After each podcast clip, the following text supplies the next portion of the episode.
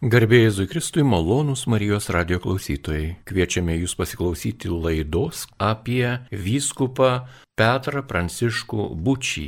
Ir apie šį nuostabų vyskupą, nepaprastą vyskupą, maloniai sutiko papasakoti istorijos mokslų daktarė Aldona Vasiliauskinė, kuri yra Prano Dovydaičio premijos laureatė, nominuota būtent už vyskupo Petro Pranciškaus būčio tyrinėjimų darbus. Garbė Jėzui Kristui. Per amžių amžius, amen. Taigi, vyskupas Bučys Ši pavardė daugeliui lietuvių iki antro pasaulinio karo buvo ypatingai gerai žinoma, sektinas asmuo, pažįstamas ir taip toliau. Dabar tie žmonėms jau ši pavardė, šis vyskupas ir rytų apieigų katalikų tikėjimas yra truputėlį tolimesni, nutolę. Taigi, kokia yra šio įstabaus žmogaus biografija? Jis buvo pirmasis lietuvių rytų apieigų vyskupas. Kaip tai atsitiko? Dar kartą garbė Jėzų Kristui ir čia reikėtų pradėti nuo ankstesnio jo gyvenimo pateikimo, jo gyvenimo aprašo. Sakykime, labai graži, gražio, gražios šios datos. Sekmadienį spalio 24 katalikų pasaulis minėjo misijas. Šiandien spalio 25, kai daromas įrašas, mes minime vieno iš didžių misionierių, tuo pačiu vyskupo, rytų apieigų vyskupo Pranciškaus. Pranciškaus būčio mirties 70-asias metinės. Kitą met minėsime 150-asias gimimo metinės, taigi labai gražus jubiliejai. Į viskupą Marijoną Petrą Pranciškų būčį galima žvelgti įvairiais aspektais. Kalbėti apie jo plačias veiklos kryptis, detalizuoti kiekvieną jų pristatyti Lietuvos nacionalinėje Martino Mažvido bibliotekos rankraščių skyriuje esantį Pranciškaus Petro Bučio fondą.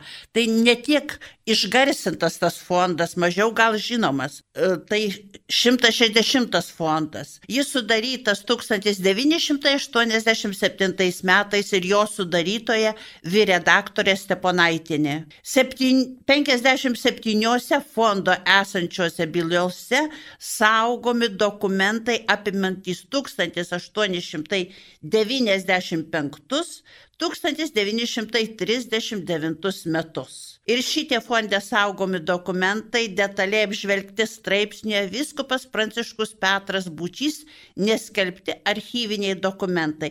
Besidominantis šią Pranciškaus Bučio veikla ir šiuo archyvu gali atsiversti 2001 metų žurnalo Logos 24 numerį, kur publikuojamas yra šis straipsnis. Kalbant apie viskupą Bučį, galima akcentuoti jam skirtus tyrinėjimus ir žinomų dvasininkų bei mokslininkų jo veiklos įvertinimus. Dėl laiko stokos pasirinkome chronologiškai pristatyti viskupo gyvenimo laikotarpius, įskiriant vaikystę, mokslą, studijas Petrapolį ir Petrapilyje ir Friburgė, bei darbą keturiose valstybėse - Rusijoje, Amerikoje, Lietuvoje ir Italijoje. Tai 13 metų darbas Petrapilio dvasinėje akademijoje, 15 metų Amerikoje, 7 metus Lietuvoje, 6 metus Romoje, 5 metus vėl Lietuvoje ir 12 paskutinių gyvenimo metų Romoje. Taigi tarp šitų darbo laikotarpių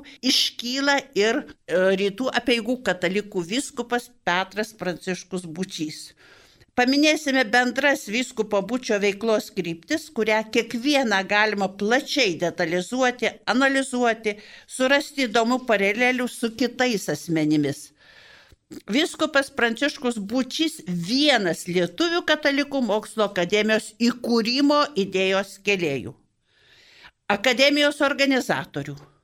Tapęs akademiku vienas iš lietuvių krikščionių demokratų partijos programos sudarytojų, vienas iš Marijonų vienolijos atnaujinimo Lietuvoje iniciatorių, du kartus rinktas jos generolu. Vienas ir pagrindinis Švento Kazimiero kolegijos Romoje steigėjų. Vienas iš svarbių Vatikano lietuviškų radio laidų pradininkų, kuriejų ir vedėjų. Lietuvis tapęs rytų apieigų viskupu 1930 metais. Svarbus viskupo nuopelnai Vytauto didžiojo universiteto, išeivijos spaudai, Čikagoje jis redagavo draugą, įsteigė ten naują savaitraštį Kristaus karaliaus laivas, dažnai visų vadinamas laivu. Nemažas mokslinis publikimas, beveik 600 publikacijų, tarp jų recenzijos ir vertimai. Labai plati visuomeninė veikla. Taigi visos šitos veiklos kryptys uh, pateiktos leidžia žvelgti į jį plačiais, plačiais aspektais. Kalbėsime apie vaikystę ir mokslo metus. Bučys gimė 1872 m. rūpjūčio 20 d. Taigi kitais metais, kaip jau buvo minėta, minėsim 150 metų gimimo metų. Gimė Šilgalių kaime Slavikų parapijoje Šakių apskrityje. Jis buvo vyriausias aštuonių vaikų šeimoje. Mokslo pradmenis, kaip ir daugelis vaikų, spaudos draudimo metais jis gavo iš motinos. Bučys rašė, citata, kai buvau penkerių metų, tai motina pasisodino mokyti lietuviškai. Ji būdavo verbdama su karatelį. Aš sėdėdavau iš dešinės pusės, o tarnaitė Marijona Gerdavytė, jau didelė mergiščia, atsisėsdavo iš kairės pusės. Motina, mokydama mane, pamokydavo ir tą tarnaitę. Citatos pabaiga. Oficialiai pradinį mokslą ėjo Slavikuose, įkurtoje pradžios mokykloje. Vėliau įstojo į Marijampolės gimnaziją, tačiau penktoje klasėje buvo paliktas kartoti kurso. Ir antrus metus jis neužbaigė gimnazijos, neužbaigė kurso. Gimnazijoje tuo metu mokėsi Matulaitis, bet jų bičiulystė prasidėjo daug vėliau, jau Petrapilio dvasinėje akademijoje. Taigi, Bučys svajojo stoti į kunigų seminariją ir 1889 metais stojo. Egzaminus išlaikė, tačiau nebuvo priimtas. Čia daug galėjo būti priežasčių. Stojo antrą kartą, nepavyko. Ir tik tai 1891 metais pavyko įstoti į seminariją. Jau pačiame pirmame e, kurse jis įsijungė į spaudą. Prieš 130 metų Pulvio slapyvardžių ūkininko numeryje buvo išspausintas pirmasis bučios straipsnelis. Bučys redagavo ranka rašytus laikraštėlius seminarijoje, kurie buvo leidžiami, visko pabiski ir visus kitus. Seminarijoje kartu su Laukaičiu ir Ilgūnu išvertė Fischerio pamokslus ir ganytojo kalbas sodiečiams. Žuvus carui Aleksandrui III į valdžią atėjęs Nikolojus II paskelbė įvairių malonių manifestą. Laikraščiai jį išvertė į lenkų kalbą. Todėl lenkiškoje decezijos dalyje jo populiarinimui nebuvo kliučių. Lietuviškose parapijose reikėjo arba skelbti rusiškai, arba išversti į lietuvių kalbą. Šis sudėtingas darbas buvo patikėtas seminaristui Būčiui. Seminarijoje Bučis stropiai mokėsi, laikėsi dvasinio gyvenimo nuostatų, kasdieniniai mąstymai, sąžinės tyrimas, išpažintis kas savaitę šventa komunija. Jis rašo, nusistatymas pašvesti savo gyvenimą kovai su rusifikatorių platinamomis klaidomis ne tik stiprėjo, bet pasidarė ryškus ir gyvas. Pradžioje visa jo jėga buvo tautinėje srityje, bet metams praslinkus jėmė reikštis kaip noras gelbėti tautiečius ne tik nuo ištautumo, bet taipogi visą daryti, kad jų sielos nepatektų į pragarą. Citatos pabaiga. Taigi, dar iki bučio įstojimo į seminariją čia buvo įsikūręs lietuviškas būrelis, turėjęs slaptą knyginėlį lietuvišką ir bučys vėliau tapo šio knyginėlio vadovu ir buvo išrinktas draugijėlės vicepirmininku. Šitos visos nuostatos būčio jau pradėjusios formuotis seminarijoje, vėliau skleidėsi Petrapilio dvasinėje akademijoje ir Friburgo universitete. Petrapilio dvasinėje akademijoje dar iškiau susiformuoja jo gyvenimo tikslas - reikalas kovoti su rusifikacija. Ir už Lietuvos katalikybę. Visą tai rodė reikalą, kad jis turi tapti kunigu ir taip tarnauti savo tautai ir bažnyčiai. Būčiai mokantis akademijoje, prefektu kurį laiką buvo Maironis, kuris dėstė moralinę teologiją. Būčiais apsisprendė gilintis apologetikoje, studijuoti moralinę teologiją ir kitus mokslus. Ir 1899 metais apgynęs disertaciją įgyjo teologijos magistro laipsnį. Petrapilyje jis buvo išventytas į kunigus. Primicijoms vyko į Gelgaudiškį. Tuo metu į Petrapilio dvasinę akademiją atsiunčiamas lietuvis patriotiškai nusiteikęs Jurgis Matulaitis Matulevičius. Su Žemaičių viskupijos stipendija vyksta Skvireckas, O būčiui mokantis ketvirtame kurse į akademiją įstoja Kazimiras Paltarokas. Šios būsimos asmenybės viena kitą savaime padėjo stiprinti, brandinti ateities planus. Būčio Matulaičio Skviretsko laikais Petrapilio akademijos lietuvių sambūrys turėjo 30 narių ir vadinosi Lituanija. Šis vardas labai svarbus, todėl kad vėliau mes kalbėsime Friburgė, Rūta buvo perkrikštyta į Lituaniją. Sampūrio įstatai reikalavo, kad kiekvienas narys per metus parašytų bent po vieną straipsnį į lietuvių spaudą. Straipsniai buvo skaitomi susirinkimuose ir vertinami. Lituanijos narys Bučys pradėjo bendradarbiauti tevinės sargė. 1899 metais, taigi XIX amžiaus jau pačioj pabaigoj, Bučys gilintis į apologetiką išvyko į vakarus. Pasirinko Šveicariją, Fribūro universitetą, nes čia mokslas buvo nemokamas. Ir dirba pasaulinio garso apologetas, specialistas, garsusis vokiečių teologų tėvas Albertas Marija Veisas. Pirmieji pasiekę vakarus ir atsiradę Šveicarijos Friburgė buvo seiniškiai kunigai. Jie išvyko iš Lietuvos su netikrais dokumentais, kitomis pavardėmis. Jų pėdomis Friburgan atsekė Staniukynas, Bučys, Matulaitis ir daugelis kitų. Jie buvo iniciatoriai lietuviškos jaunuomenės draugijos pasivadinusios Rūta. Atvykęs į Fribūrą, Bučys apsigyveno studentų bendrabutyje kunigų skyriuje ir įsirašė Berno slapyvardžiu. Bučys pasakoja, citata, slapyvardis buvo reikalingas tam, kad rusų policija nežinotų, nes visi buvo išleisti tik gydytis, o ne mokytis ir tik pusiai metų, citatos pabaiga. Friburė Bučys be apologetikos studijavo hebrajų kalbos gramatiką ir labai įdomus dalykas - arabų kalbą. Jis buvo vienintelis to kurso klausytojas. Išklausė bažnyčios istorijos kursą, kanonų teisės šaltinių kursą ir 1901 metais išlaikęs egzaminus apgynė doktoratą apie Krokuvos viskupą Šventą Stanislavą. Įgyjo teologijos daktaro laipsnį. Friburė įkurta lietuvių studentų draugija Rūta, pradėjus atvykti daugiau petrapiliškių, perkrikštyta Lituanijos vardu, kaip jau buvo ir minėta. Draugijos įstatai katalikiški, o nariai vien kunigai, nes kitokių tuo metu ir nebuvo.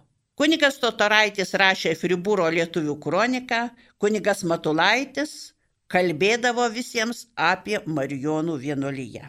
Taigi 1901 metai Viskupas, būsimasis viskupas Bučys baigia mokslus ir prasideda jo darbo metai. Baigęs studijas 1901 metais Bučys sugrįžo į tėvynę, kurį laiką vikaravo Slavikų, vėliau buvo paskirtas į Punsko parapiją.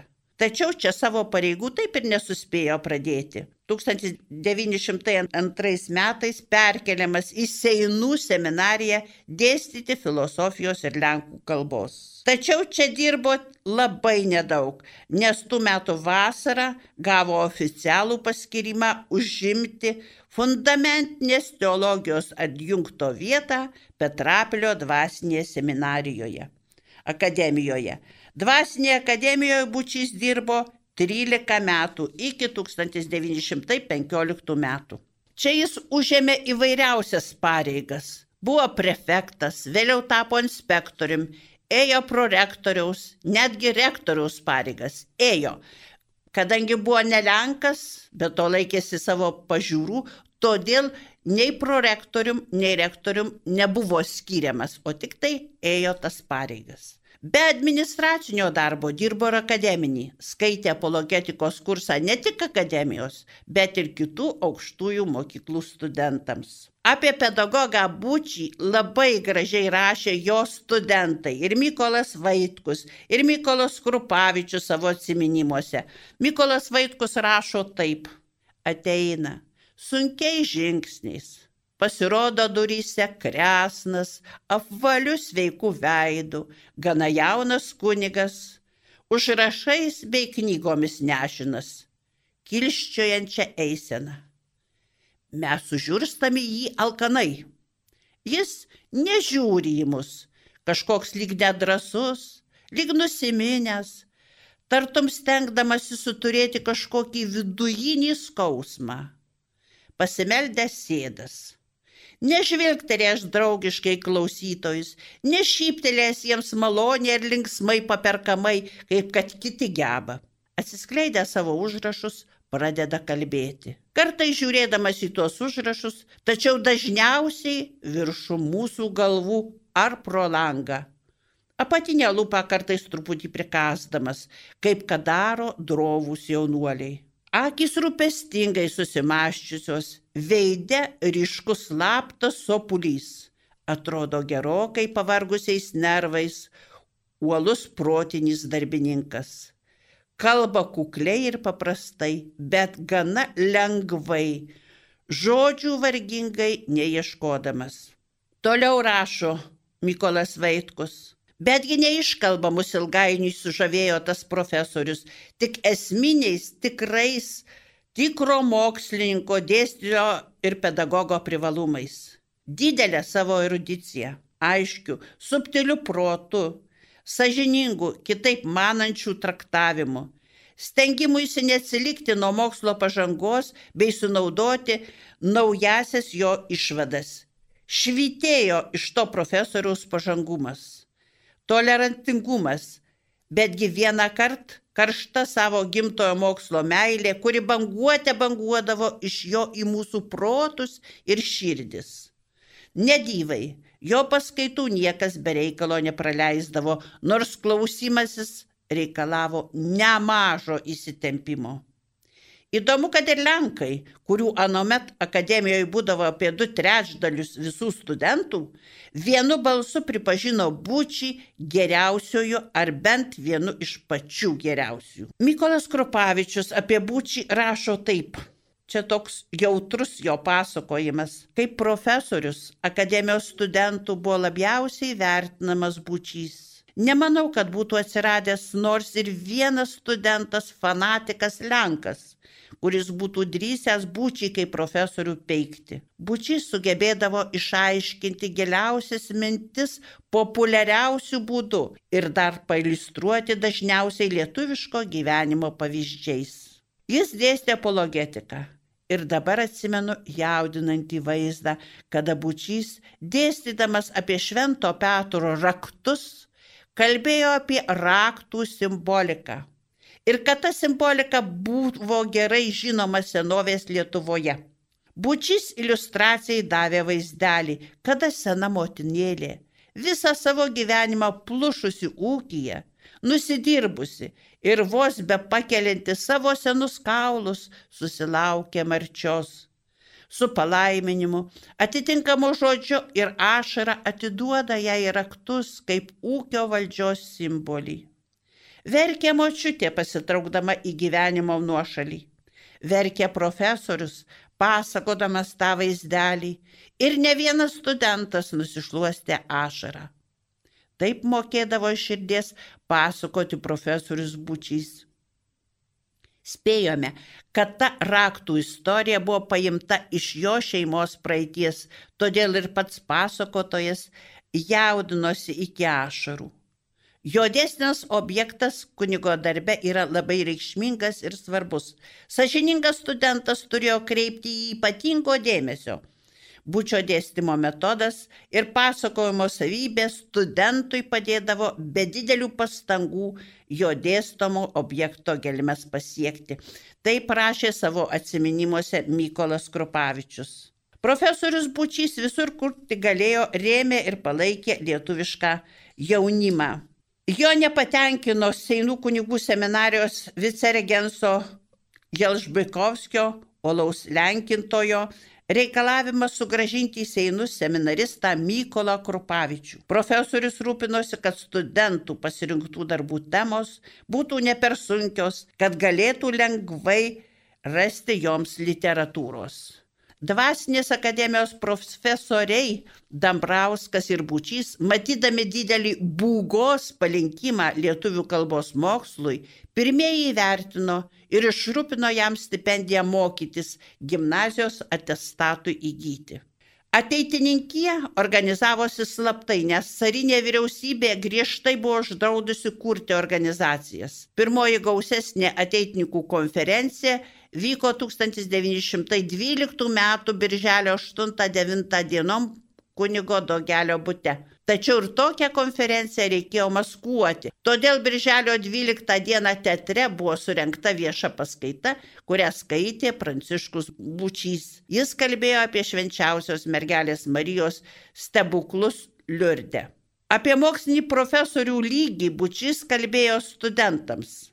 Čia įdomus pavyzdys, nes tą turėjo pergyventi ir pas bučys. Katalikų pasaulyje tas reikalas esas ypačiai opus dėl to, kad norint pasidaryti gerų mokslininkų profesorium, reikėtų visiškai ir visam gyvenimui atsidėti savo pasirinktai mokslo šakai. O kunigų mokslininkų, nuolat atitraukinėjančių nuo darbo, visokie pašaliniai kuniginiai darbai Išpažinčių klausimas, pamaldų laikymas, rekolekcijų ar misijų vedimas, paskaitos pašaliečiams, visuomeniniai darbai. O kas dar opiau? Kai po kelių įtempto mokslinio darbo metų kunigas jau ima virsti tikrai rimtų mokslo vyrų ir gerų profesorium, dvasinė valdžia žiūrėk ir bus jau jį bepaskirianti kuriam nors aukštesniam bei garbingesniam darbui kurijoje ar kapituloj ar viskupijos vadovybei. Tokio mokslininko gyvų pavyzdžių vėliau taps ir pats profesorius Bučys, užuot atsidėjęs šventajam mokslui, kaip jis sakė, dirbo įvairiausius darbus - ir dienraščio redaktorius, ir vienuolių kapelionas, ir seminarijos dvasios tėvas, ir ordino generolas, ir pagaliau rytų apieigų viskupas misionierius. Petrapilyje Bučys organizavo pedagogų draugiją, bendradarbiavo daugelį laikraščių, rašė straipsnius. Bučys savo straipsniuose iškėlė daug svarbių idėjų, turėjusių lemiamą reikšmę Lietuvos kultūros raidai. Malonus Marijos radio klausytojai, jūs girdite laidą apie vyskupą Petrą Pranciškų Bučį.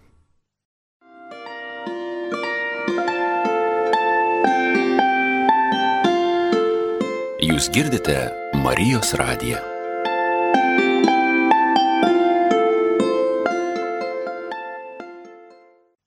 Tęsėme laidą. Šiandien apie vyskupą Petrą Pranciškų Bučį, rytų apieigų dvasininką ir kataliką, kalba pasakoja Prano Davidaičio literatūrinės premijos laureatė už rašto darbą apie vyskupą Petrą Pranciškų Bučį, mokslų daktarė Aldona Vasiliauskinė. Taigi gerbiama Aldona, koks buvo vyskupo kelias, jo biografiją jau klausytojai išgirdo. Papasakokite daugiau apie šį nustabų žmogų. Čia tik tai dalis to kelio pasakyta, Petrapiliai buvo padėti pagrindai Lietuvos krikščionių demokratų sąjungai parašyta programa, iškelta Katalikų mokslo akademijos kūrimo idėja, atnaujinta Marijonų veikla ir atlikta daug darbų. Bet įdomus yra kunigo Mykolo Vaičiaus pastebėjimas. Sakykime, paskaitų Petrapilį susirinkdavo klausyti ir kairieji, ir dešinieji, tikintis ir netikintis, ir po paskaitų jie ginčydavosi su viskupu Bučiu. Diskusijų metu Bučys, čia citata. Pradžia. Bučys kaip visuomet ramiai, lietai, neva negudriai, bet paslėptai gudriai bei klastingai imdavo priešą klausinėti, kaip jis manas apie tai ir tai. Šis dar nesusivokdamas, kad oponentas gudriai veda jį į šunkelius, naiviai atsakinėja, manydamas labai protingai bei mokslingai kalbas. Ir nei pastebėti nepastebi, kad pagaliau paneigia nuomonę, kurie griežtai priešinga tam, ką jis pradžioje teigė ir visa baigėsi visuotiniu juoku kuriam nepritarė vien bučys, vos jaučiamai besišypsas ir aišku jo oponentas, nes jam visai nelinksma. Dar reikia pasakyti, kad iš Petrapilio draugijos, kurios buvo susikūrusios, bučiai išrenka atstovauti Vilniaus lietuvių Seime. Jis turėjo reikalauti Lietuvai autonomijos, lietuviškų mokyklų, spaudos laisvės ir kitų stambių kultūrinių teisių. Ir labai įdomu tai, kad baigiantis Seimui Basinavičius atsinešė rezoliucijų projektus ir rezoliucijų projektai atsispindėjo žudbūtinę krūviną revoliuciją ir jie bučio iniciatyva buvo peredaguoti ir sušvelninti. Nebeliko kraujo ir smurto pradų. Taigi čia labai svarbus tokie dalykai ir po Seimo susirinkę Mikalojaus bažnyčios klebonijoje e, svarstė Seimo nariai, kad reikia visai Lietuvai bendro katalikų laikraščio ir kad būtų reikalaujama lietuvių kalba vartoti bažnyčiose. Tai čia tokie labai svarbus momentai ir kada paskui buvo bandyta dar organizuoti partiją, jos nepavyko, tada e, sumanyta atnaujinti nykstančią Marijonų vienuolyje. Įsitraukęs į Lietuvos gaivinimo reikalus Vilniuje, Bučys atsisakė 1910 metais siūlomos žemaičių viskufos sufraganystės. Ir antras laikotarpis yra svarbus Amerikos laikotarpis penki metai ir paskui Amerikoje jis atliko didelių darbų, buvo trečioji Švento Mykolo parapijos vikaru, Švento Kazimiero seserų kongregacijos kapelionu, jo iniciatyva įsteigta Švento Kazimiero akademijos rėmėjų draugija, na ir kunigų vienybės Seimai, redagavo draugą, įsteigė laikraštį naują savaitraštį Kristaus karaliaus laivas ir jo tie darbai buvo tokie tikrai labai dideli. Na ir grįžęs į Lietuvą, jis Lietuvoje, jo Lietuvoje ypatingi darbai svarbus tai, kad viskupas Karevičius paskyrė jį teologijos fakulteto ar bažnytinio mokslo reikalų sekretoriumi. Jis parengęs fakulteto statuto projektą su busimų profesorių sąrašu išvyko į Romą 1921 metais ir gavo Šventojo sosto pritarimą. Jam sugrįžus, Seimas remdamasis tuo projektu skubiai ėmė renkti universiteto statutą. Taigi Bučys buvo prie Lietuvos universiteto kūrimo lopšio. E, tik ką įkurto teologijos fakulteto dekanu buvo paskirtas Maironis, o vėliau Bučys. Kaip profesorius jis turėjo būti dar vertingesnis kaip Petrapilyje, kadangi buvo įsigijęs daug daugiau profesinio prityrimo žinių ir mintinio gilumo. Tad turėjo būti ne vien fakulteto, o ir viso universiteto pažyba. Kaip administratorius jis irgi turėjo būti labai rimtas, nes universitetinį gyvenimą nuo seno jau pažinęs, jo reikalus gerai suprantas ir priemonės jiems patenkinti mokas rasti ir prisirinkti ir prisitaikyti, rašė Mykolas Vaitkus. Taigi jis buvo prorektoriumi, rektoriumi, vėliau fakulteto dekanu ir profesoriavo iki 1928 metų.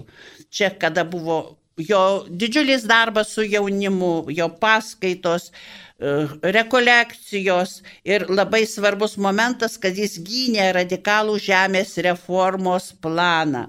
Na ir e, dalyvavo 26 metais Kauno archikatedroje, kai buvo konsekruotas naujas viskupas Reinys ir pasakė pamokslą ir paskui dar kalbėjo labai tikinamai ir gražiai ir paskui vyko iš Lietuvos su Matulevičium į Ameriką vizituoti Marijonų.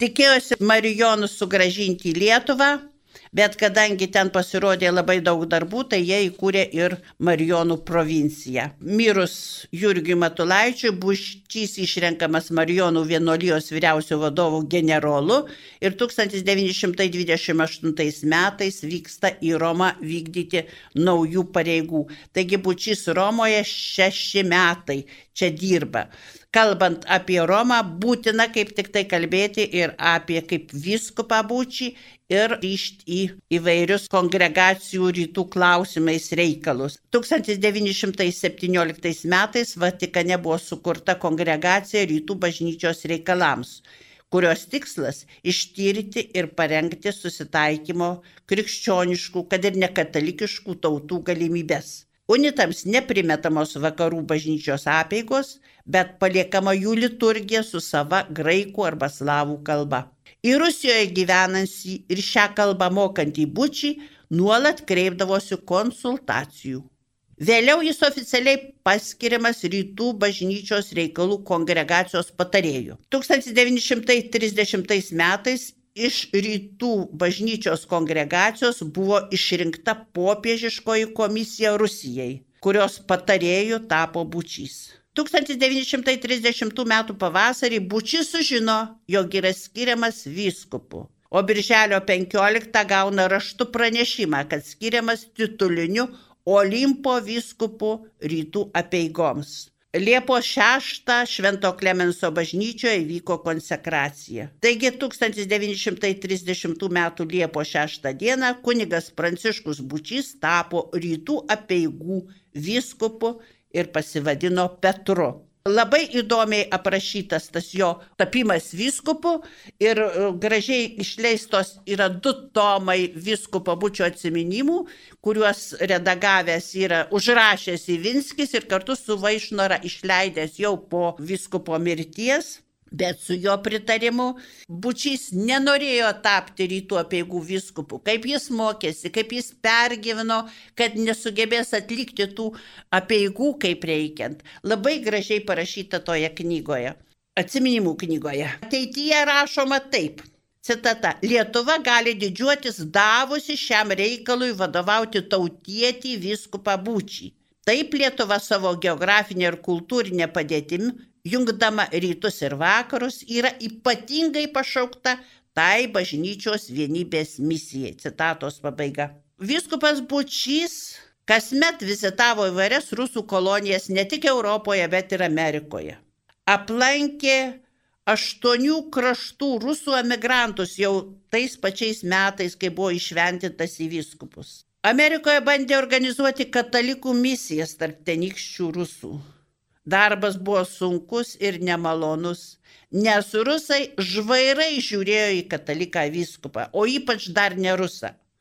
Ta darbo vaisiai negalėjo būti gausūs. Nors 1933 metais jis Amerikoje išbuvo net septynius mėnesius. 32 metais vyskupas buvo pasveikintas su 60 mečiu. Rašoma taip. Garbingasis ganytojas yra žymus visuomenininkas, rašytojas, apologetas, mokslininkas ir pedagogas. Jis daug dirbo bažnyčiai ir tautai. Vėliau kurį laiką Amerikos lietuvių tarpe, o grįžęs buvo išrinktas Lietuvos universiteto rektorium. Dabar gyvena Romoje, kur jį popiežius pakvietęs paskyrė visų vakarų Europos unitų vizitatoriumi. Taip rašoma ateities žurnale sveikinant viskupą jo jubiliejumi. Dalyvavo iš Romos, vyko į, būdamas jau rytų apieigų viskupų, dalyvavo įvairiuose eucharistiniuose kongresuose, skaitė paskaitas ir didelį dėmesį skyrė rytų apieigų katalikams. Sakykime, jo pranešimas Euharistijos garbinimas Švento Baziliaus ir Švento Chrizostomo liturgijose. Viskupo Petro Pranciškaus būčio gyvenimas labai sudėtingas, labai gražus, labai išsamus ir plačiai, plačiai atskleisti reikalinga ir dar viena, ir dar kita, ir ne viena laida Marijos radijoje. Tačiau e, šiais metais minint jo 70-metį, mirties 70-metį, norisi pasakyti, kad paties viskupo žodžiais, kaip jis vertino visus savo darbus Kai kurie, čia citata, kai kurie žmonės kartais ir viešai kalbėdami, dažniausiai man girdint, o vienas antras raštu privatiniuose laiškuose ir į akis mane vadina katalikiškosios Lietuvos patriarchu. Tuo jie parodo man palankumo ir pareiškia pagarbos, todėl aš jų negaliu įtarti, kad jie meluotų. Bet aišku, kad minėtasis jų posakis netitinka tikrenybė.